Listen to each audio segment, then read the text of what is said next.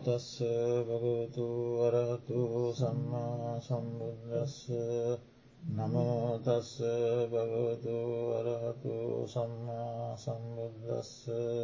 නමෝතස්ස භගවතු වරහතු සම්මා සම්බුද්දස්ස. කතමේච භික්හවේ පංචුපාදානක් කන්දා දුක්කා සෙය්‍යතිීදං රූපූපාදානක් කන්දු වේදනූපාදානක් කන්දු සංඥූපාදානක් කන්දු සංකාරූපාදානක් කන්දු විඤ්ඥානූපාදානක් කන්දු ඉමේ උච්චතිභික්කවේ සංකිත්තේන පංචුපාදානක් කන්දාපි දුක්කා ඉදං උච්චති භික්කවේ දුක්කං අරිය සත්චං එතකොට අදාපි සාකච්ඡා කරන්නේ සතිපට්ටාන සූත්‍ර දේශනාවෙහි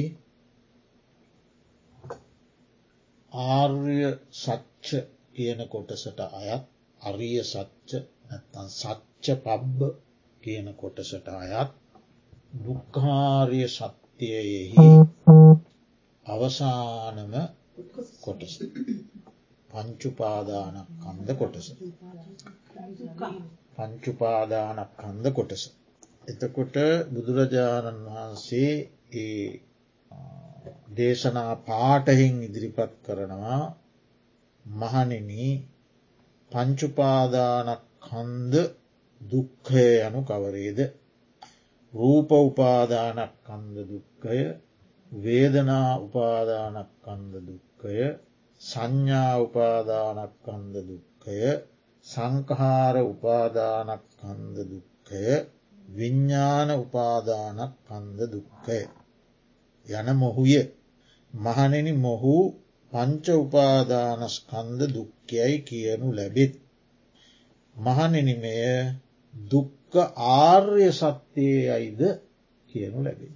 මේකට පංචුපාදානක් හන්ද දුක්කය කියනවා මෙතෙක් ඉගෙන ගත්ත මේ සියල්ල ඇතුළත් කොට ගත්තාම මේ සියල්ලටම දුක්ක ආර්ය සත්‍යයයි කියනු ලැබි කියන එකයි ඒ පාලි පාටයේ අර්ථය. එතකොට පංච කියන්න පහ.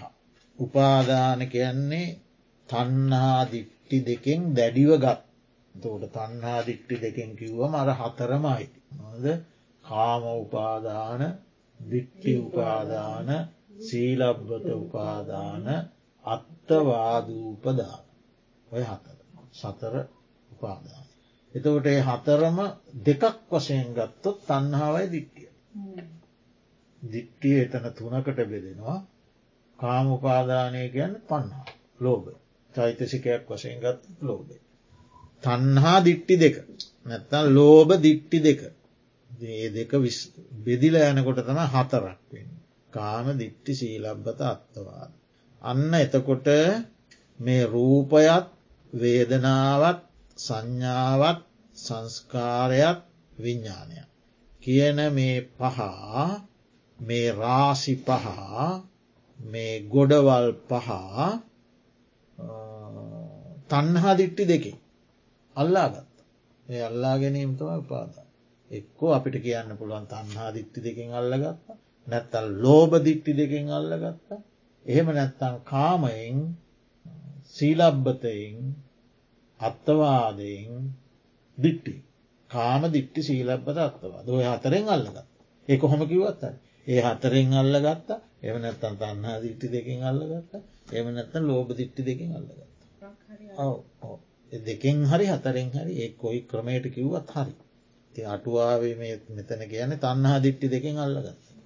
යර හතර තමයි කිය කෙටි කර ඒ දෙක කියන්නේ නමුත් ධර්මානුකූල විග්‍රහද අර හතර තම එන්නේ. ඒ හතර කෙටි කරලම ති අල්ලා ගත්තා.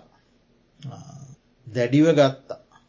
එතකොට දැම් මෙතන කියනවන සංකිත්තයෙන් කෙටියෙන් කියනවන සංක්ෂිප්ත කොට කියනවන හක්කුළුවා කියනවන මහල්ලොකූ දෙයක් හකුළුවල කියන කෙටි කරලා කියන. ඇතුළත් කරලා කියන. එහෙම කියනවන කෙට්ටියෙන්ම කියනවනං මේ පංචුපාදානස්කන්දය තමයි දුක කොටින්ම කියන සරලෝ කියන. එතකොට මේ ලෝකයේ තියෙන දුක් මේ ලෝකය තුළ තියෙන දුක් සීයක් දාහක් දාදාහක් ලක්ෂයක් කියල හැම වෙන් කරන්නට බෑ. හරියටම ප්‍රමාණ කරලා මෙපමණයි ලෝකයේ දුක් තියන්න කියලා කියන්න බෑ. එහෙම කියන්න දක්ෂේ නෑ කවුරු. දුක් කියලා තියෙන මෙ මෙච්චරයි කියල කියන්න. එතට යම්තාක් දුක් ඇත්න. නිරයේ යම්තාක් දුක් ඇත්න. ප්‍රේතලෝකයේ යම්තාක් දුක් ඇත්න. අසුරලෝකයේ යම්තාක් දුක් ඇත්න. තිරිසන් ලෝකයේ යම්තාක් දුක් ඇත්න. මනුෂ්‍යලෝකයේ යම්තාක් දුක් ඇත්න. දිවියලෝකයේ යම්තාක් දුක් ඇත්න. ඉන් මේ මුළු මහත් ලෝකයේ යම්තාක් මේ දුක් කියන වචනයට ඇතුළත් කොට යම් ප්‍රමාණයක් දුක් ඇත්නම් ගණනින් කියව නැහැකි තරම්. දුක් ඇත්නම් ඒ සියලූම දුක්. ඒ දුක් සමූහයම මේ පංච උපාදානස්කන්දයට ඇතුල් කරන්න ආං ඒක තමයි සංකිත්තය මේක ඇතුළට ගන්න පුළුවන් සියලුම දුක් මේ පහ ඇතුළෙ තියෙන කියන එකයි ඉතිං ඒ නිසා තමයි මේ සැකවින් කියලා කියන ඒ හැම දුකටම මුල මේ පහ. දැ මේ පොතේ දුක් නෑ මේ මේසෙත් දුක් නෑ අර ගහෙත් දුක් නෑ. නෑ කැරකෙන ෆෑන්න එක දුක් නෑ. ඒවති ඒ දුක් නෑ. දුක් තියෙන්නේ යමක් දුකනම් ඒ දුක් සියල්ලම හටගන්න. ඒ හැම දුකකට මේ පහ. ඒක තම මේ සංකිත්තයන මේ පහතම බල්ලෙක් වගේ ඒගොලොන්ට පන්ට්‍රස් කන්දෙම තියනවන්. හැබැ ගොලොට දුකක් ඇති වෙනවාද? නැතු ඒගොලොන්ටත් ඒ දුක්තින තොට දෙවියන් බ්‍රහ්මයන් ඔක්කොටම දෙවියන්ට අපිට තරන්න නැති වුණට ඒගොල්ලුන්ටත් ඒ භවයෙන් චුතවීමේ දුක ඒවා තියෙන ඒගොල්ලො කාමුක සැපක් වින්දනය කර ඒගොල්ලොන්ගේ සැපෙත් වෙනස්වීමක් ඒ වෙනස් වෙනකොට ඒගොල්ලොන්ටත් ඒක දැනෙනවා. ට ඒගොල්ලොන්ටත් ඒක සදාකාලික ඉන්ඩ බෑ. ඒගොල්ලො හෙන් චුත්ත වෙනවා. දාඩිය දානව මල් පරවෙනවා තැතිගන්නවා ඒගොල්ල පුුණ්‍යවන්ත නිසා අපිට තරන් දුක්නෑ නමුත් දුක අවසානයන්නෑ ඒ දුක තියෙන ඔවු. විඤ්ඥානය විඤ්ඥානයටන දැනින්නේ. දෝමනස්ස වේදනාව. සෝමනස්ස දෝමනස්ස ඔක්කොම දැනෙන්න විඤ්ඥානයක් තිබ්බ. එතකොට මේ පංච උපාදානස් කන්දයම මේ විඤ්ඥානයත් එක්ක බැඳිල නැති මැරුණැම් පස්සේ මලකුණේ රූපයක් නාමයක් එතකොට ඒ මලකුණට සීතල දැනෙන්න්නෙත් නෑ උසන දැනෙන්න්නෙත් නෑ සැප දැනෙන්න්නෙත් නෑ දුක් දැනෙන්න්නෙත් නෑ. මොකුත් නෑ. විඤ්ඥානයෙන් තොර ඒක නිකන් දැන් ඊට පස්සේ වියලීගිය දර කඩක්ව යචිරංවතයංකායෝ පටවින් අධිශිස්සති චුද්ධෝ අපේතු විඤ්ඥානෝ නිරත්තංව කලින් කරන් කියල දේශනා කළ. ඒ කාන්තයෙන්ම මේ ශරීරයේ තව නොබෝ කලකින් විඤ්ඥානයේ පහවගයාට පස්සේ කිසිදු වැඩකටන වැඩකට ගත නොහැකි. දිරාගිය දරකබැල්ලක් වගේ මහ පොලෝ මත වැටෙනවයි කියරගේ. මහ පොලෝ මත වැටුනෙන් පස සුසාන භූමයකට හින්දම මොකෙක්වත් ඕකයි බලන්න. කාටවත් ඒකින් ඇති වැඩන්න. දර කැවැල්ලන්න ලිපපත්තු කරගන්න හරිගන්න. මේකට කිසිදු වටිනාකමක් කිසි කෙනෙක් දෙන්න. කියන එක ඒ ගාථාවෙන් කියවෙන්න. ඉතින් ඒ වගේ. ඒ නිසා මෙන්න මේ පහ මේ තෘෂ්නා දෘෂ්ටි දෙකින් අල්ලාගන්නා ලද මේ උපාදාන කොටගත් ගත්ත මේ ස්කන්ද පංචකේ තමයි සංක්ෂිප්තව ගත්ත දුක. මේකට සියල්ල ඇතුළත් සියලු දුක් හටගන්න මෙතන. එතකොට අපි ස්ත්‍රියක්ය පුරුෂෙක්ය පුරුෂයෙක්ය ඇමරිකානුවෙක්ය ශ්‍රී ලාංකිකයෙක්ය ඉතිෝපියානුවෙක්ය ඇප්ගනිස්ථානුවෙක්ය ඔය විවිධාකාරයෙන් හඳුන්න නන වෙන් කරලා හරිද. ඒ මොනාආකාරය වෙන් කොල්ල හැඳින්ුවත එත්තනම ඔය හැම්ම තැනම තියෙන මේ පහතම. ඔය පහට තමයි අපි මේ එක එක ජාති දාගෙන හදාගෙන කියන්න. අවිද්‍යාව නිසා අවිද්‍යාව සහ මාන්‍යය නිසා අපි එහෙම වෙන්කරගෙන කියන ආවල මෙහික ආවල් අහවත්ක මේ ඊළඟට කුල වශයෙන් වෙන් කරගෙන කියන්නේ ගොයිගම එක්කේ රදල එක්කේ ඊළඟට කරාවෙක්කේ දුරාවෙක්කේ වහුම්පුරෙක්කේ පද්දෙක්කය ඔය විදියට ඒවෙන් කරලා කියන්නෙත් මේ පහකට තමයි. ඒ පහකට ඉතින් මිනිසු හදාගෙනින්නවා ඉතින් බලංගිය මේ පහේ මෙහ පහේ ඇති අමුතු මේ එකක් නෑ. පහයි තියෙන්නේ. ඒ ඕකට විවිධ අර්ථ කතන දෙනවා. ඊළඟට බල් එක්කේ කුකුල එක්කේ එළුවෙක්කේ හරකෙක්කේ අලියෙක්කේ ඒත් තියෙන ඔය පහතම. නොත් ඉති ඒගොල්ලු අකුසල කරම නිසා ඒගොල්ලොන්ට නියමිත වූ යම්කිසි කර්ම විපාක ශක්තියක් විදින. ඉතින් ඒ විදිහට මේ හැම තැනම තියෙන්නේ මේ ස්කන්ධ පහ. තකොට සංසාරයි සසර මුලඉඳලා නිවන්දක්නා අග කෙලවර දක්වා හරි මුල සිට නිවන් අවබෝධ කරගන්න අග කෙලවර දක්වාම යම් තාක් මිනිසෙක් සත්වයෙක් පිරිසනෙක් නිරිසත්වයෙක් යම්තාක් දුහක් විදි. ජාති දුකක් වේවා ජරාදුකක් වේවා ව්‍යාධි දුකක් වේවා මරණ දුකක් වේවා සෝකයක් වේවා පරිදේවයක් වේවා කායක දුකක් වේවා දෝමනස්යක් වේවා උපායාශයක් වේවා ප්‍රිය සම්පයෝගයක් වේවා ඔය ඔයි මොන්න ආකාරය දුකක්. ඒ කෝමත් මේ පංචුපාදානස් කන්දේට තම අයිති. එතන තම දුක් හටගන්න. ඒ නිසා මේකම තමයි මේකම විදර්ශනාවට නංවනවන අර අර ජාතිය ජාති ජාතිතුක ගැන භාවනා කරනවා ජරාදුක ගැන භාවනා කරනවා මරණ දුක ගැන භාවනා කරනවා ව්‍යාධි දුක ගැන භාවනා කරනවා ඒ ඔක්කොම හොඳයි. ඒ ඔක්කෝම ඇතුළත් පංචුපාදානස් කන්දේ අරමුණු කරගෙන භාවනා කර ඒ ඇතුළත්. තෝට දුක්කොක්කමත් තියෙන මෙතන දුකෙන් නිදහස්වීම තියෙන්නෙත් මෙත ඔවු. දුක් හටගන්නෙත් මෙතන. දුක්ක නිරෝධය තියෙන්නෙත් මෙතනම හටගන්න තැනම පැ නිරුද්ධ වෙන තැනක නිරුද්ධ වෙන්ට ඒ කියන්නේ ඒ උදේවාය බලන්න වේවා අනිතුත් විදර්ශනාඥාන වේවා එතනින් පස්සේ සෝවාන්නාදී මාර්ගඥාන වේවා ඒ හෑම එකක්මත් ඉතින් බුදුහාන්දුරේකන දේශනා කරේ මහනෙනි බඹයක් පමණ වූ මේ ශරීරයේම. බඹයක් පමණ වූ මේ ශරීරයේ තුළම මම දුකත් පනව. දුක ඇතිවීම හේතුවත් පනව. දුක්ක නිරෝධයක් පනව. දුක්ක නිරෝධ ගාමිණි පටිපදාවත් පනව. මෙතනම තමයි දුක තියෙන්නෙත් මෙතනම තමයි දුක්ක නිරෝධය තියෙන්. මෙතනම තමයි දුකින් නිදීමේ මඟ තියෙන්නේ. ඒ එතන ඔක්කොම තියෙද්දී අපි එතන ගැන හිතන් නැතිව. ඒකත ඔන්න අවිද්‍යාවට තියෙන හොඳම නිර්වචනය. දුක තියෙන්නෙත් මෙතන මන්නන්න. දුක ඇතිවීම හේතුව තියෙන්නෙත් මෙතන පනං මේ බබය තුළනං. දුකෙන් නිරුද්ධවීම තියෙන්නෙත් මෙතන පනං. නිරුද්ධවීම මාර්ගය තියෙන්නෙත් මෙතනම නං එතන අමතක කරලා. එතන අමතක කරලා ඉතින් මේ ඇසින් කනෙන්න්නාසයෙන් දිවෙන්කයම් මනසින් අරමුණු ලබාගෙන ඒවා පස්සේ ඒ ඇවිදැවිදන්නවා. ඒක තරන් ඉතින් ඒක තමා විද්‍යාව. ඔක්කොම තියෙන්න මෙතන. ඒ තරන් අවිද්‍යාවත් අවතිී. මෙතෙන්ට මෙතෙන්ට අවධානය සතිය කියල කියන්නේ මෙතෙන්ට අවධානය යොමු කිරීමනි.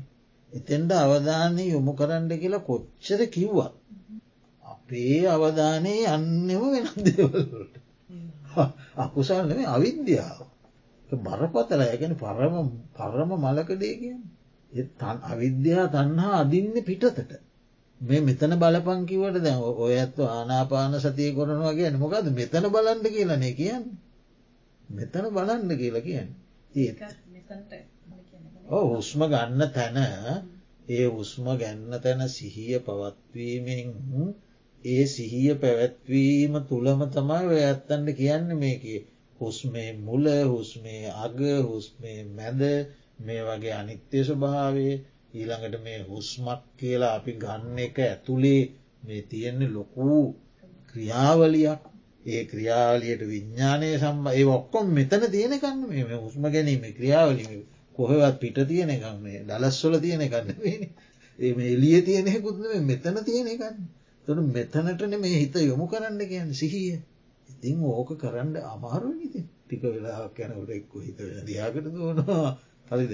එක්කෝ වෙන වැඩක් එක්ක පැටලෙනවා එහෙම ඒක තමයි කියන්න. මෙතන තම ඔක්කොම මේ පංචුපාදානස්කන්දය තමයි දුක තියෙන්නේෙත් මේ පංචුපාදානස්කන්දය තුළම තමයි දුකින් මිදීම තියෙන පිටනෙම එතනමයි තිය තියක අල්ලගන්නවා කියන එක තමා ඒ අල්ලාගන්න තම සතිය අවශ්‍යය ඊළඟට සමාධිය අවශ්‍යය ඊළඟට ප්‍රඥාව අවශ්‍ය වන්න ඊළඟට සද්ධාව අවශ්‍ය වන්න ඊළඟට වීරය අවශ්‍ය වන්න ඔය සත්තිස් බෝධිපාක්ෂික ධර්ම කියනය අවශ්‍ය වන්න සප්ත බොජ්ජංග අවශ්‍ය වන්න කල්්‍යයාන මිත්‍ර ආශ්‍රය අවශ්‍ය වන්න සද්ධර්ම ශ්‍රවණය අවශ්‍ය වන්න අදධර්ම සාකච්ඡාව අවශ්‍ය වන්න ඔය ඔක්කෝම අවශ්‍ය වන්නේ නිවන් අවබෝධ කරගන්නට නම් ඒ නිවන තියෙන මෙතන තම. මෙතන තියෙන එක අල්ලගන්න බැරිකම තමයි තියෙන ප්‍රශ්නයක බුදුහාමුදුරන්ගේ වර දක්කම නෙවෙයි. ඉති අපේම තියෙන අවිද්‍යාව තන්නහාාව මහන්නය ඒව නිසා. ඉතින් කොහොමුණත් එහෙමයි ඒ නිසා මෙතන තමයි සියල්ලම තියෙන්නේ. ඉතිං මේ පහ ගත්තම මේ පහට ලෝකයේ තියෙන සියලු දුක් ඇතුළ. අය දුක් ඇතුළත් නෑ කියල කතා කරන්න දෙයන්නේ පහට ඇතුළ. ලෝකයේ බුදුරජාණන් වහන්සේ මේ දුක්කයයි නම් වසයෙන් වදාළ දුක් තියෙනවන් මේවා දුක් කියල නම් වසයෙන් වදාළ දුක්. ඒ නම් වසයෙන් වදාළ යම්තාක් දුක්වේද ඒවත්. නම් වසයෙන් නොවදාලා වූ දුක් තියෙනවන ඒවත්. වදාළ හෝ නොවදාලු. යම්තා දුක් ඇත්නම් ඒ සියල්ල මේ පංචුපාදානස්කන්දයට ඇතුළ. එතකොට පංචුපාදානස්කන්දේ මුල තමා ඉපදී. පංචුපාදානස්කන්දය අග තම එක ජීවිතයක ගත්තොත් මුල තමා ඉපදී. අග තමයි මැරී මරණ. එක ජීවිතයක් ගත්තොත් මවකුසේක පිළිසිඳ ගැනීම තමයි ඒක මුල ප්‍රතිසන්ධි. එතකොට ඒක අග තමයි මරණය. ඉස්කන්දයන්ගේ පහළවීම ජාති මුල. හරි චුති ඉස්කන්දයන් චුත වෙලා යන ඒ චුති හෙවත් මරණය ඒක තම අග එතවට අනිට්ටික තම මැද මොනවද දිරාපත්වීම ලේඩැවීම මාරණය. ඔය දෙක අතරේ දෙක අතරේ තියෙන වැඩ ටික. දිරාපත්වී ලේඩවීම මරණය ඥාතිවියසන බෝගවියසන රෝගවියසන සීලවියසන දිට්ටි වියසන. ඒ නිසා ඇතිවෙන සෝකය ඒ නිසා ඇතිවෙන හැඩීම වැලපීම ඒ නිසා ඇතිවෙන දැඩි වෙහෙස කර බව උපායාසේ ගැන විශාධිය තත්ත්වය. ඒ නිසා ඇතිවෙන අප්‍රිය සම්පයෝගේ ප්‍රියවිප්පයෝගේ කැමතිදේ නොලැබීම. ඔක්කොම් මැද. හරි? තොට ස්කන්ධයන්ගේ පහළවීමෙන් පටන්ගන ස්කන්ධයන්ගේ චුතියෙන් අවසං වන එක් පංචුපාදානස්කන්ද ජීවිතයක මැද තියෙන දුක්ටිකතම අනික්තේ ඒ ඒටික ඉතින් විඳ විදා යනකමන් ඉතිම සිින්දුවක් කාරය කියලා පොඩි සතුටක් ලබන ඔහොම හොමට ඉක්කුත් ලබල බා ඉතින් මේ ඇර යන මොන හරි. ඉතින් මොනහරි කර කර මේක ඇරයියන්න පේද මේක හටගත්තනං මරණයෙන් කෙලවර වෙන තෙක් මේ දුකක් තිබුණට මේ දුක වහගෙන යන්නත් එබ මේ අවබෝධ වෙන්නෙත් නැත්නම්. අවබෝධ මෙතනම මේක මිදී මේකින් මිදීමත් මෙතනම තිබුණත් ඒක තේරෙන්නෙත් නැත්නම්. ඉති මොකක් කරයට පස කරන්න පේ වෙනත් වෙනත් දේවලුත් කර කර ඉති අර යන ඉතිං ඒ නිසා ඉතිං ඔන්නෝක තමයි උපාදානස්කන්දය පිළිබඳව පංචුපාදානස්කන්දය පිළිබඳව තියෙන මූලික මූලික විස්තරේ. පහක් ගොඩවල් පහක් උපාදාන හතරකින් සරලව කිව්වොත් දෙහෙකින් අල්ලාගෙන සිටීම නිසා නැවත නැවතත් නැවත නැවතත් නැවත නැවතත් මුහුණදීමට සිදුවී තිබෙන ඉපදීමත් මරණයත් ඒ අතරතුර තිබෙන දුක් සමූහයක් තමයි පංචුපාදානස්කඳ දුක කියල කිය මේ පහ. එතකොට මේකට මේ විදිහට මේ පංචුපාදානස්කන්දය දුකක් කියන්න හේතුව. මේක තියෙනවා මේ පීඩන ස්වභාවය. පීඩනයක් පීඩාකාරී බව තියෙන. ඕනෑම එකන් මහා සැපසම්පත් විදින මනුෂ්‍යයගේ ජීවිතය තුළ වනත් මේ පීඩන ස්වභාවයක් තියෙන හැමෝටම එක මට්ට මේ නෙවේ අඩු වැඩි වශයෙන් එක එක්කනාට අවබෝධ වෙන ආකාරත් වෙනස් වෙන්ඩ පුළුවන් ඇ මේක පීඩන ස්භාව ඇත්තියෙනවා. ඒක තමයි මේක තියෙන ප්‍රධාන දුක පීඩනය. හැබැයි පීඩන ස්වභාවය කියන එක ඇතිවෙන්නේ මේක තියෙනවා සංකත සන්තාප විපරිනාම කියල තවතත්වට. සංකත කියන්න මේ හේතුවන්ගෙන් හටගත්තද. දෙවියෙක් මවපු දෙයක් වවා හේතුව පච්චේවාදීව හටගත්ත දෙයක් නෙවෙයි. මේක හටගත්ත හේතුව. හරි පූර්ව භවය තෘෂ්ණාව. ප්‍රහාණය නොකළ පෙරභවය තෘෂ්ණාව. පෙරභවය කර්ම. පෙරභවයේ තන්හාාව සහ ඒ සමඟ බැඳුණු කර්ම. හරි ඒකෙන් අපිට ප්‍රතිසන්ධියල් ලබලදන්න. තන්හා උපාදාන බවජාත. හරි පෙරභවයේ තන්නාව පෙරදාවේ උපාදාන. සහ පෙරභවය කර්ම. ඊළඟට මේ භවය අම්ම තාත්ත දෙන්නගේ සහයෝගේ සම්බර්ධය. ඊළඟට මේ භවය ගන්න ආහාරපාන. ඒ ආශ්වාස් පස්වාස ආහාරපාන. මේ වගේ සංකතයක් මේක හේතුන්ගෙන් හටගත්ත මේක අහේතුව පච්චේ දෙයක් නෙවෙයි. දෙවියන්ගේ කැමැත්තෙන් පහළ වනයකුත්න. හේතු ප්‍රත්තියෙන් හටගත්ත සංකතය. එතොට සංකතයක ස්වභාවයක් තමයි හේතුවකින් හටගත්ත දේවල්වල විපරිනාමයක් තිබූ තත්වයෙන් අන්තත්වයකට පෙරටිය. හරිද. එතෝට මේක ඔන්න හේතුවකින් හටගත්ත බවත් තියෙනවා පෙරලී යන ස්වභාවයක්. ඔව තේ පෙරලී යන ස්වභාවයක් තියෙනවයි කියන එකේ තියෙනවා ඒක ලොකූ ගැඹුරක් ඒක විපරිනාමයක ලක්ෂණ තමයි අපි දකින්නේ. අපි මේ විපරිනාමයක ලක්ෂණ අපි දකින්න. ඔබාහින ගිය අවුරුද්ධ වගින් මේ සැරේ හම ටිකක් මෙෝ වෙලා වගේ විපරිනාමයක ලක්ෂණන අපි දකිින් දත් දිරලා වගේ. කෙස් මේ බලන්නකු තැනින් තැන මගේ සුදු වෙලානේ. ඒ විපරිනාමය කියනක මේ නිතරම තියෙන දෙයක්. ෂණයක් පාසා ෂණ බංගූරත්වේ මොහොතක් පාසා සිදුවන වෙනස්වී එක යන්නේ අනිත්‍ය ලක්ෂණ එක තමයි සැබෑ විපරිනාම අනිත්‍ය ලක්ෂණ. ඒ අනිත්‍ය ලක්ෂණය නිසා ඇතිවෙන බාහිර ස්වරූපයන්තම අපි දකින්න. ඒක අපි දකින්න එක ප්‍රතිඵලය ගැන හුලගක් කමාගෙන ගියාට පස්සේ සුලි සුළඟක් කමාගෙන ගියාම ගස් වැටුණු තැන්ද කළ අපි කියන්න මෙතන සුළං හමා කිය කිය ඒවාගේයක් අපි දකින්න.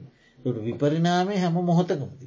චිත්ත චෛතසික ධර්මයන්ගේ හැම්ම මොහොතකම වෙනස්වීමක් තමයි තිය. ඒ වෙනස්වීම දැකීම තමයි නිවනට මාර්ගි. ඒක තමයි උද්‍යව්වී. ඒක දකින්න. එතකොට ඒ විපරිනාමයක් මෙතන තියෙනවා. මේ පහේම තියෙනවා. මේක සංකත බවක් හැක හේතුවකින් හටගෙන තියෙනවා. ඊළඟට මේක විපරිනාමය. ඒවගේ මේක සන්තාපයක් තියෙන තැවෙන ස්වභාවය. හරිද. ඒ නිසා තම මේක පීඩාකාර.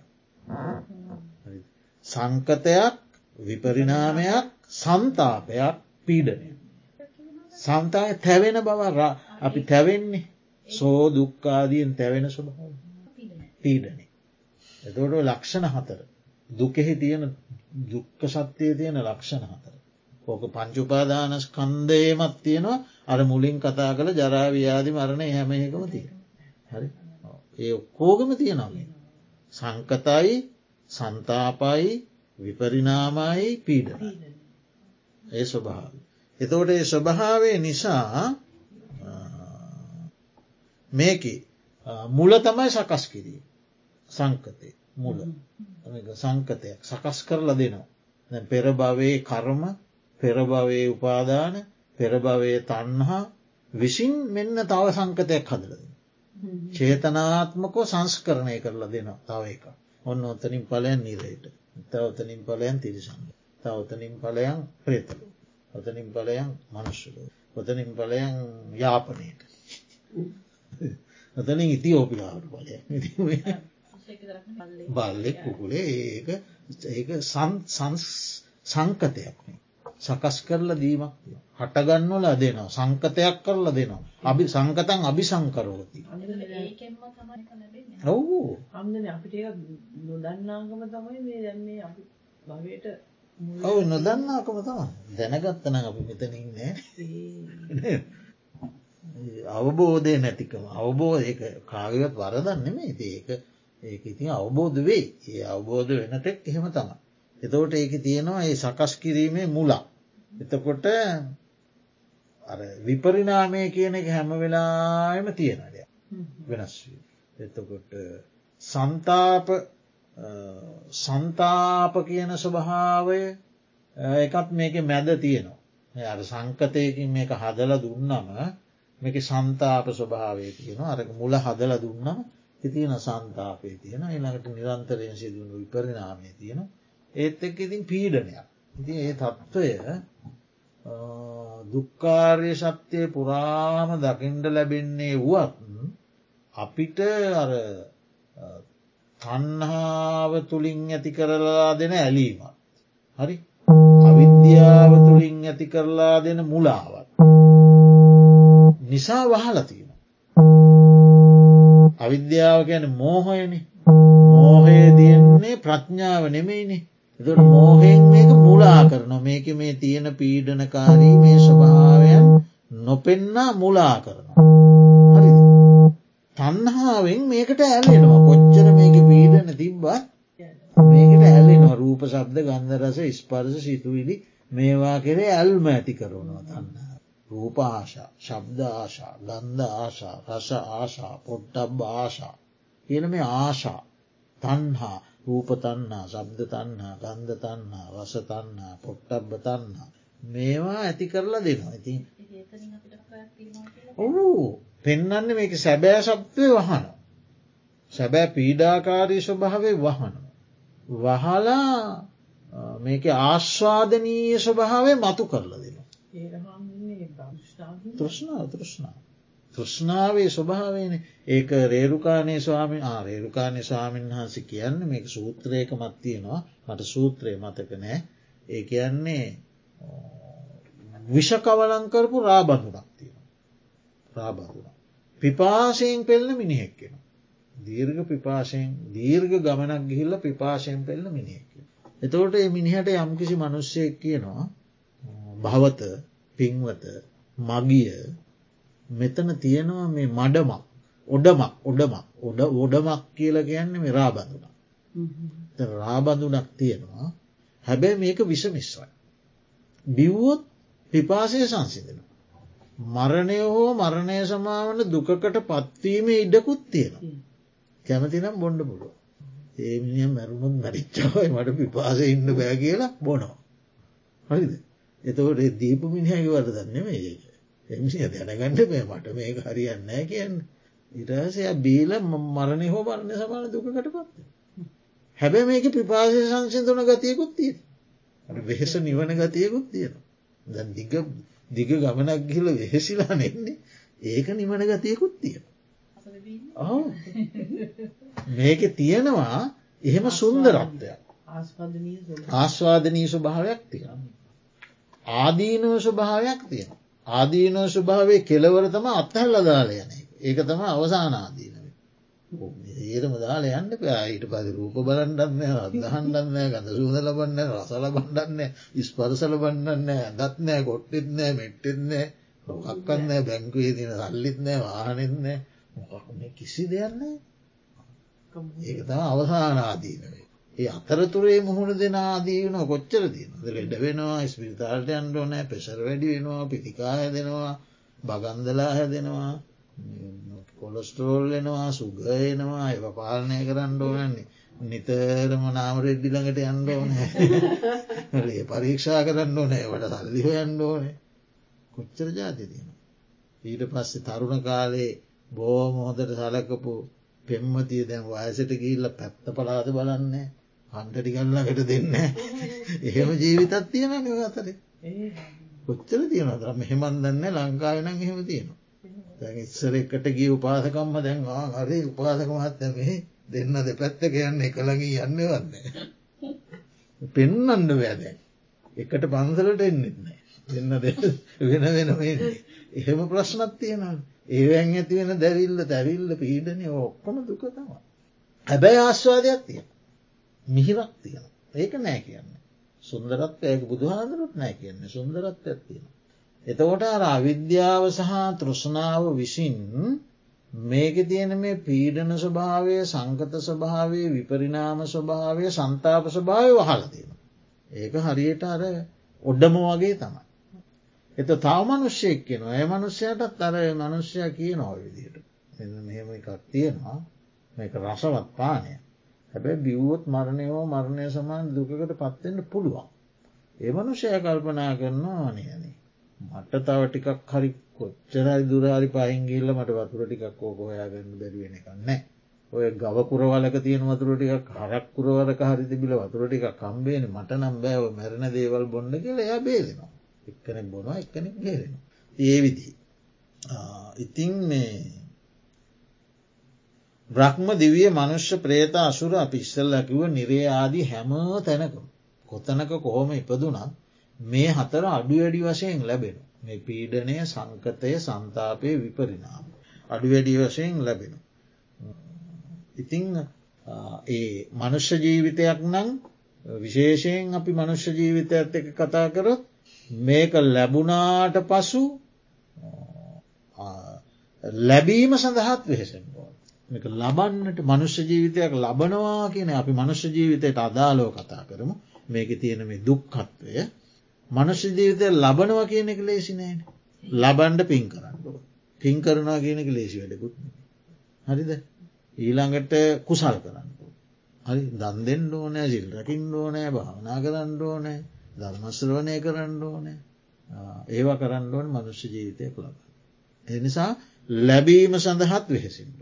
ලැබුවාට පස්සේ පැවැත්ම සඳහා පුංචිකාලිඳලා හිල්පොල් කට්ටෙන් නාවලා මඳුරුවන්ගෙන් ආරක්ෂා කරලා මැස්සන්ගෙන් ආරක්ෂා කරලා ඉනේහි තියාගෙන ආරක්ෂා කර කර හදන්නුව.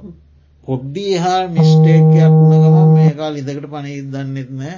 ඒ කොච්චර වෙනවා නේ ලිපට ගිහින් ගින්න ගිනියකුරුකට මතදායිද දන්නෙත් නෑ. මාර ප්‍රශ්න ගොඩ එහෙම පවත්වා ගන්න. එකට බලවත් වෙහෙසක් දෙමවපයන් දර. ඊට පස්සේ එතනින්දලා ජීවිතය තමන්ට යමක්කමක් කරගන්න පුළුවන් වුණ කාලේ ඉඳල මේක පවත්වා ගන්නඩ උදේ පාන්දර නැගිටින් ඕන රැකී රක්ෂාවලට යන්න ඕනෑ හරිහම්බ කරන්න ඕන අව්ව කියල බෑ වැස්ස කියල බෑ සීතර කියල බෑ උස්නය කියල බෑ බඩගින්න කියල බෑ පිපාසය කියල බෑ ඒවා හරිහම්බ කරන්න පැත්වීම සඳහා. ඊට පස්සේ පෙම්මතියක් හොයාගන්න ඕන කසාද බඳින්න ඕන ඇත් එක්ක සුහදත්වයෙන් ජීවත්තෙන්ට නානාවිද උපක්‍රමය දන්නුව ඇය සතුටු කරන්න ඕන. ස්වාමි පුරුෂ ඉටවල් දරුවම් වුණාම ඒ දරුවනට තුොන ස්කෝලය රයන්න ඕන අම්මල අපිට කලාවාගේ ඒවාගේ අය කොටසක් තියෙන කරන්න.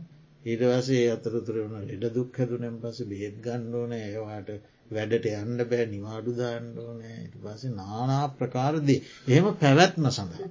ලැබීම සඳහා සහ වෙනම දුකක්ති. ලැබුවම් පස්සේ පැවැත්ම සඳහා පවත්වා ගැනීම සඳහා මරණැතෙක් වෙනම දුකක්තිය. ඒ දුක් හන්දරාවක් එක්ක තමයි මේ මනුෂ්‍ය ජීවිතයක් ලබන්නේ සහ පවතින්. ඊට පස්සේ ලැබුවයෙන් පස්සේ අවිද්‍යාවසා තෘෂ්ණාව නිසා අය නිරේට යවන් යන්ටෝනෑ කරන කර්ම රැස් කරන. ඒවෙන් වලක්වාගන්ටත් දක්ෂවෙන්ඩ ඕන. අනයම්ම ඕවනන් කරන්න බෑ. ඔවන් නිරේට යනවා. මමයි මනුෂ්‍ය ජීවිතයකට තමයි කැමති.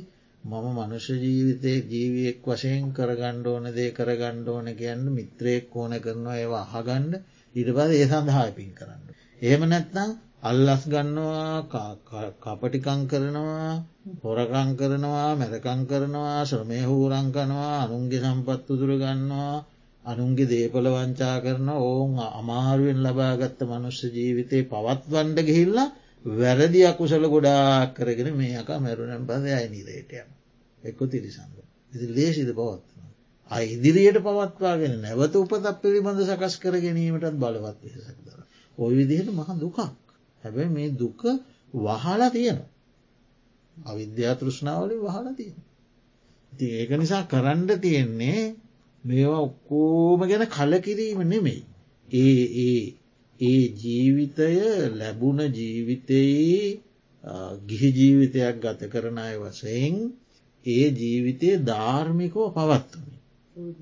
ධාර්මිකෝ පවත්වමින් ඒ තමන් ලැබිය යුතු ගිහි සැපත ගිහි ප්‍රීතියත් අධර්මයට නැබුරු නොකළ. ධාර්මික ප්‍රීතිසුකය කියල එකත් තියෙනවන ලෝකේ. ප්‍රීතියක් සුවයක් විඳිනවා දැහැමිව. ධර්මිකෝ හරිද? ඒ විදිේ ධාර්මික ප්‍රීති සුවයක් විඳමින් අර මේ ලැබුවා බොහොම අමාරුවෙන් ලබාගත්ත මනුෂ්‍ය ජීවිතය අමාරුවෙන් පවත්වාගෙන යන මනුෂ්‍ය ජීවිත ලේසි නෑන පවත්තාන මට වැඩි ඇත්තුන දැන්න පවත්වාගන්න ති අමාරුව මටනං එච්චර තේරෙන්න මට දානක හෝ වලදනවා බේතුත් තරන් දෙනවා. නේ ගිහි ඇත්තු තමයි දන්න පවත්වාගෙන යන්න තියෙන අමාරු. එතට අමාරුවෙන් ලබාගෙන අමාරුවෙන් පවත්වාගෙන යන ජීවිතය ධර්මිකෝ ගත කරන. දුක අඩු කරගණ්ඩ උත්සාහ ගැනීමත් තමයි කරන්න. ආපහු නිරේට වැටෙන්ට නොදී තිරිසන් ලෝකයට ප්‍රේත ලෝකයට වැටෙන් නොදී පවත්වාගෙන හැ. ඒ නිසා ඔන්න දැන් කල්පනා කරගණ්ඩ මවකුස සිට මරණය දක්වා විවිධාකාර තැවීම් මේ ජීවිතය තියෙන. ප්‍රතිසන්දිය සිට නොඒකුත් හේතුවන්ගෙන් මේක විපරිනාමය වෙන. හරිද තැවීම් කියනේම හිතන්න දෙයන්න. හරිද. ඉතින් දැන් අපි ඉස්සල්ලා කිවේ මොකක්ද සංකතය. මොකක්ද සංකතය මේක ලබන්න බොහොම අමාරුයි. හරිද ලැබුවායන් පස පවත්වන්න. එක තම සංකතය තියෙන අමාරුකෝ. හේතුවකින් හටගන්නවා ඒ හට ගන්න ගන්න එක හට ගන්නනවා කියන එක අමාරුයි හට ගැන්ුවෙන් පස්සේ පැවැත්ම අමාරු. දවයසවුරුදු පනක් හතලිස් පහක් පණක් ඇති නොන මහත්තයට වැඩි ඉති ඔය කාලෙදි මේ ජීවිතය පවත්තන්න කොච්චර වෙහෙසින්ට නේ. වෙහෙස. පවත්වන්ඩ වෙහෙසෙන් ඕන එකතම සංකතය ස්වභාවේ. ඊළඟට මවකුසිට සිට මරණය දක්වා මේක නොයකුත් සන්තාප ඇතිවීම. ඊළඟට මේක තියෙන විපරිනාම ස්වභාවය මොකක්ද. මවකුසක පිළිසිඳ ගත්ත මොහොතේ ඉදං අපි වෙනස් වී වෙනස් වෙනස් විපරිනාම වී යන. විපරනාම වී ගිහිල්ලා අන්තිමට අපි අපි බලමුක අපි මවකුසෙන් බිහිවුණා කියලා. හරි බිහිවුනැම් පස්සේ අපි බල බිහිවුනැම් පස්සේ බාහිර හේතුන්ගෙන් මේක විපරිනාමය වෙන. වාතයකිපී හරි අභ්‍යහන්තර හේතුන්ගෙමුත් විපරිනා. ශරීර අභ්‍යහන්තර හේතු වාතයකිපීම බාහිර ජලගැලී සොර සතුරුවදුරු අව්ව වැස්ස හුළග ගින්න බාහිරේතුන්ගෙමුත් විපරිනාමය. ඉතින් ඒ විදිහට මේක නිරන්තරයෙන් විපරිනාමයක් දීම. ඉතින් ඔය විදිහ ස්වභාවේ. ඇගේ නිසා මතක තියාගණ්ඩ මේ ස්කන්ද පංචකයම දුකක් මේක දුකක් වෙන්නේ ඇයි මේක පීඩනයි මේක සංකතයි මේක සන්තාපයි මේක විපරිනා දුකයි. ඊළඟට දැන් පළවෙනි උපාදානස්කන්දයමකක්ද ස්කන්ද රූප උපාදානස්කන්දය. එතකොට තන්හාාවෙන් හා දිට්ටි. හෝ කාම දිට්ටි සීලබ්බත අත්තවා කියන හතරෙන් අල්ලාගත්ත රූපය. රූපය කියන්නමගදද සතර මහාධාතු සහ ඒ ධාතුූන් නිසා පවත්න. ඒගැන අට විසිරු. අභිධර්ම විදිහට අට විසිරු. හරි සූත්‍ර විදිහට සතර මහා ධාතු සහ ධාතුන් නිසා පවත්. මේ මේවා ඔක්කොම. සහ අර එකොලොස් ආකාරයක් අපිකි. අතීත වර්තමාන අනාගත අජ්‍යත්තික බාහිර කොළ ආන රූප උපාදානසන්න. අල්ලා ගන්නාලද රූප උපාදානස්කඳ. උපාදාන කරගන්නා ලද. ඊළඟට වේදනා උපාදානස්කන්දේ මොකක්ද වේදනා වේදන මොක වේදනා උපාදාන සුකවේදනා දුකවේදනා අදුක්කම සුක වේදනා.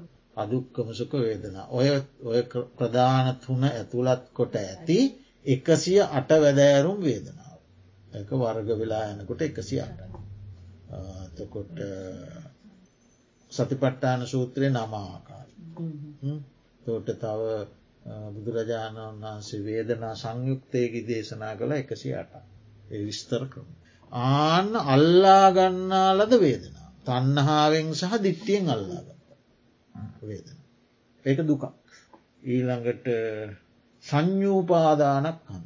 ඒමකද හඳුනාගන්න මොනවද හඳුනගන්නේ රූප සංඥා සබ්ද සංඥා රූප හඳුනාගන්න. යම් මෝතක රූපයක් ද හඳුනාගන්නේ යම් මෝතකද රූපයකට තන්නාවෙන් දිට්ටියෙන් බැදෙන්නේ එතන දුකක්. යම් මොහොතකද සබ්දයක් හඳුනාගන්න එක සංඥාව. හඳුනාගන්නාලද සංඥාව සබ්ද සංඥා. ඒ සංඥාවට යම් මොහොතකද තන්නාවෙන් දිට්ටියෙන් බැඳෙන්නේ එක දුක. ඒක සද්‍යයක් කියලා අතහැරල දෙමන දුකක් නෑ ඉවර. හරිද යම් මොහොතකද ගඳ සුවදක් හඳුනාගන්න එක ගන්ධ සංඥා. යම් මොහොතකදේ ගන්ධ සුවඳ උපාදාන වශයෙන් දැඩිව ග්‍රහණය කරන්න එතන දුක. උපාදානය තම දුක. යම් මොහොතක දිවයෙන් රසයක් දැනගන්නේ ඒක රස සංඥාව. රස සංඥා. ඒ සංඥාව යම් මොහොතකද උපාදාන වශයෙන් අල්ලගන්නේ එක දුක්. ඉළඟට පොට්ටබ් කයට දැනෙන පහස. එක සංඥා. ඒ සංඥාවට බැඳීම උපාදාන. ආනම ඉනට දම්ම සංඥා. රූප සංඥා සම්ද සංඥා ගන්ධ දන්නා රස සංඥා පොට්ටබ්බ සංඥා ධර්ම සංඥ. සිතේ හටගන්නා වූ චේතන. එතකොට දැන් අපි කියපු හයම මොනවද රූප ශබ්ද ගන්ධ රස පොට්ටබ්බ දම්. ඔයා සංඥානි ඔයට අමතරු නිල් කාරතු කොල්ල තැවිලි ආදී අපි මේ වර්ණ සංගටක හඳුනාගන්න. ඒ ඔක්කොම සංඥා. ඒ ඔක්කොම මෙයා ඉන්ද්‍රියන් මගින් ගන්න සංඥා. මේ වර්ණනං ගොඩ ඇහෙන්නේ ගන්න ඒ සංඥා රූප සංඥාය ඔක්කො. එතවට ඔය කියන ලද සංඥා. ඇස කණනාසේ දිවකාය මනස කියන ඉන්ද්‍රියන් මගින් හඳුගාන හඳුනාගන්නා ලද දේවල්. ඒවා ග්‍රහණය කරගන්න වනන් තන්හා දිට්ටි තුළින් උපාදා. දුකක්. දුකට හේතු දුකක්. ඊළඟට සංකාර ඒමකද ඔව එහෙමත් කියන්න පුළුව කාය සංකාර වචී සංකාර මනෝ සංකාර තාවිදියට කියන්න පුළුවන් පුඤ්ඥාභි සංකාර අපුඤ්ඥාභි සංකාර ආනඥාභි සංකාර තාවිදියකට කියන්න පුළුව චේතනාරාසි හය. රූප සංචේතන. සබ්ද සංචේතන. ගන්ධ සංචේතන. රස සංචේතන. පොට්ටබ්බ සංචේතන. ධම්ම සංචේතන. ඇසිං දක්නා රූපයන් පිළිබඳව ඇතිකරගන්නාව චේතන. චේතන. චේතන. ඔවු. රූපය පිළිබඳ ඇතිකරගන්න චේතන. ශබ්ද චේතන ගන්ධ චේතන රස චේතන පොට්ටබ්බ චේතන. දා අපි රූපයක් දැකල එකමන චේතනා පහල ඔවු ඒක චෛතසික චේතනා ගැන චෛතසික තවාර්ථයකින් කියන්න පුළ චේතනාත්මකව යමක් සංකතයක් කියලා තියෙනවා. සංකත. සංහේතුවකින් හට ගත්තදේ සංකතයක්. ඒ සංකතයක් පිණිස හේතුවකින් හටගත්ත දෙයක්න සංකතයක් කිය ඒ සංකතයක් පිණිස සංස්කරණය කරනවා සකස් කරනවා චේතනා මුල් කරගෙන සකස් කරනවා රූපය පිළි රූපය පිළිබඳ රූපයක් සකස් කරන. චේතනා මුල් කරගෙන රූපයක් සකස් කරන. සංස්කරණය. සංකතයක් පිණිස සංස්කරණය කරනවා. ඒකත් සංස්කාර සංකතන් අභිසංකරුන්ති. ඒ ඔක්කොම කරන්න චේතනාව. චේතනා ප්‍රධානයි. කර්ම කියල කියන්නේ. චේතනා ප්‍රධානය චේතනාවට විතරත් අනියෙන් ඕක් කරන්න බෑ. තව දේවල් උපකාර කරගෙන සංකතයකට සංස්කරණය වෙන.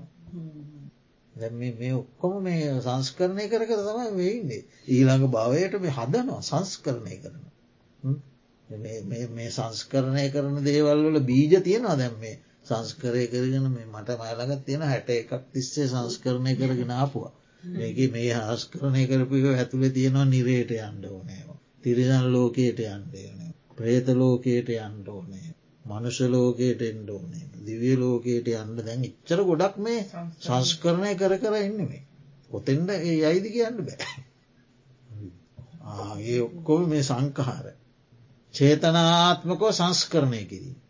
ඊළඟට විඤ්ඥාන චක්කු විඤ්ඥාන සෝත විඤ්ඥාන ගාන විඤ්ඥාන ජිගුව විඤ්ඥාන කාය විඤ්ඥාන මන අරමුණු දැනගන්නා ස්වභා. ඔය පහ. දෝට රූපය විඳිනු ලබන විඳින්නේය කියන අර්ථයෙන් වේදනා හඳුනන්නේ කියන අර්ථයෙන් සංඥා සංස්කරණය සකස් කරන්නේ කියන එක අර්ථයෙන් සංස්කාර අරමුණු දැනගන්නේ විජානනය විඳින්නේ අරමුණු දැන විජානනය දැනගන්නේ අරමුණු දැනගන්නේ කියන අර්ථයෙන් විඤ්ඥා ඔය පහ. පංචුපාදානස් කර අද දවසේ තව මේකට කියන උදාහරණ ටිකක් තියෙන ඇටික කියලා අපි ඊළඟ දවසට මේ පංචුපාදානස්කන්දය පිළිබඳවම සූත්‍රයක් දෙකක් තියෙන අධ්‍යයනය කරන්නට මේ ටික විතරක් අද කියමු. ඉතින් ඔන්න ඔය විදිහට ඔන්න ඔය පහ. ඔය පහනැත්තන් කර්මත් නෑ ඔය පහෙන් ගුරුණානන් කර්ම රැස් කිරීමකුත් නෑ මෙතනමයි කර්ම රැස්වෙන්නෙත් මෙතනමයි චේතනා හටගන්නෙත් මෙතනමයි රූපේ තියෙන්නෙත් මෙතනමයි රූපයට බැඳෙන්නෙත් මෙතනමයි සංඥා ඔක්කෝ මැතුල් කරගන්නෙත් මෙතනින්මයි අරමුණු දැනගන්නේ මෙතනින්මයි දුක හටගන්නෙත් මෙතනින්මයි දුක නිරුද්ධ වෙන්නේ. ඒ ඔක්කොම මෙතන තියෙද්දී මේවා හේනමම තැක් කරලා දාලා හනේ අපි කරන වැඩ. ඒ නිසා දර දවන ගින්නසේ ඔන්න උපමා. දර දවන ගින්න වගේ. ඉලක්කයට විදින ඊතලය වගේ. හරියට ඉලක්කයට යන විද්ධාම ඉලක්කයට යන ඊතලය වගේ. ගවරැල පෙළෙන මසු මැසි මදුරුවන්න. ගවරැල ගවයට තියෙන එලව ගණ්ඩර වල්ගේ විතරන හෝ ඒකින් ඔක්කොම වැඩ ටික කරන්න අමාරුට ඒකෙන්ම එලව ගන්නවා. ඉතින් ඒගොල්ලෝ පිට්ටනයට කියල්ල දැම මැසිමදුරුව ඇවිල්ල ඇගොල්ලො පෙළනවා වගේ. ගොයම කපන ගොවි මහතුන් වගේ හරිද. ගම් පහරණ සොරු වගේ. වෘක්ෂ ලතා පොළොවෙහි හටගන්නාසේ. දළු මල් පත් තුරුලියවල හටගන්නාසේ. ගස්වැල්වල දළු මල් කොල හටගන්න. වෘක්ෂ ලතා ගස්වැල් වල දළු හටගන්නවා මල් හටගන්න කොළ හටගන්නා සේ. ඔන්න ඇටික මතකද දරගොඩ දවන ගින්න වගේ. ඉලක්කයට යන හිතලය වගේ. ගවරැල පෙළෙන මැසිමතුරුව වගේ. ගොයම කපන ගොයි මහත්තය කපන්න කපන්න ගොයම කැපි කැපී කැපි කැපිය හැද ගොයම කපන ගොය මහත්තය වගේ. ගම් පහරණ සොරු වගේ සොරෙක් අයිල්ල ගම පාරගෙන ඔයනවගේ. ඊළඟට පොළොවේ යටගන්න උක්ෂලතාව. උක්ෂලතා සියල්ල අටගන්න පොළොව. වෙන කොහවත් අට ගන්න උක්ෂලතා හට ගන්න න අහස උඩ. පොළොවෙ තමහටක. ඊළඟට දළු මල් පත් ඔක්කෝම හටගන්න තුරුලියවලන. ගස්වල. දැන් කඩදාශි මල් නම් දැන් හදන ඒ වෙනමයින අපි කියන්නේ ස්වභාවිකෝ හටගන්නය ඔක්කොම හටගන්නේ වෘක්ෂලතාව ඒ වගේ මේ දුක් ඔක්කොම හටගන්න කොහෙද? මේක තමයි අටගන්න. ඒට කොහෙවත් අටගන්නේ මේ පහයෙන් තම හටගන්න. හිටලටත් තිබ්බය පහ නැපෝලියන්ටත් තිබ්බය පහ. එතකොට ලෝකයේ අවුරුදු හතලිය පනා එක්ක දිගට රාජ්‍ය පාලනය කරපු කාටවත් එන්ඩ දුන්නති රාජ්‍ය පාලකයන්ට තිබ්බෙත් ඔය පහ. හරිද?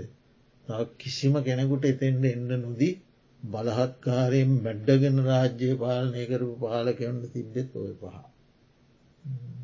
ඒ අයටත් දුකෙන් මෙදෙන්ට අවශ්‍ය කරන පසුබිම තිබ්බ ඔය පහතු. ඒගොල්ලු ඒක ප්‍රයෝජනයට ගත්තන රජ සැපට වාල්වෙලා.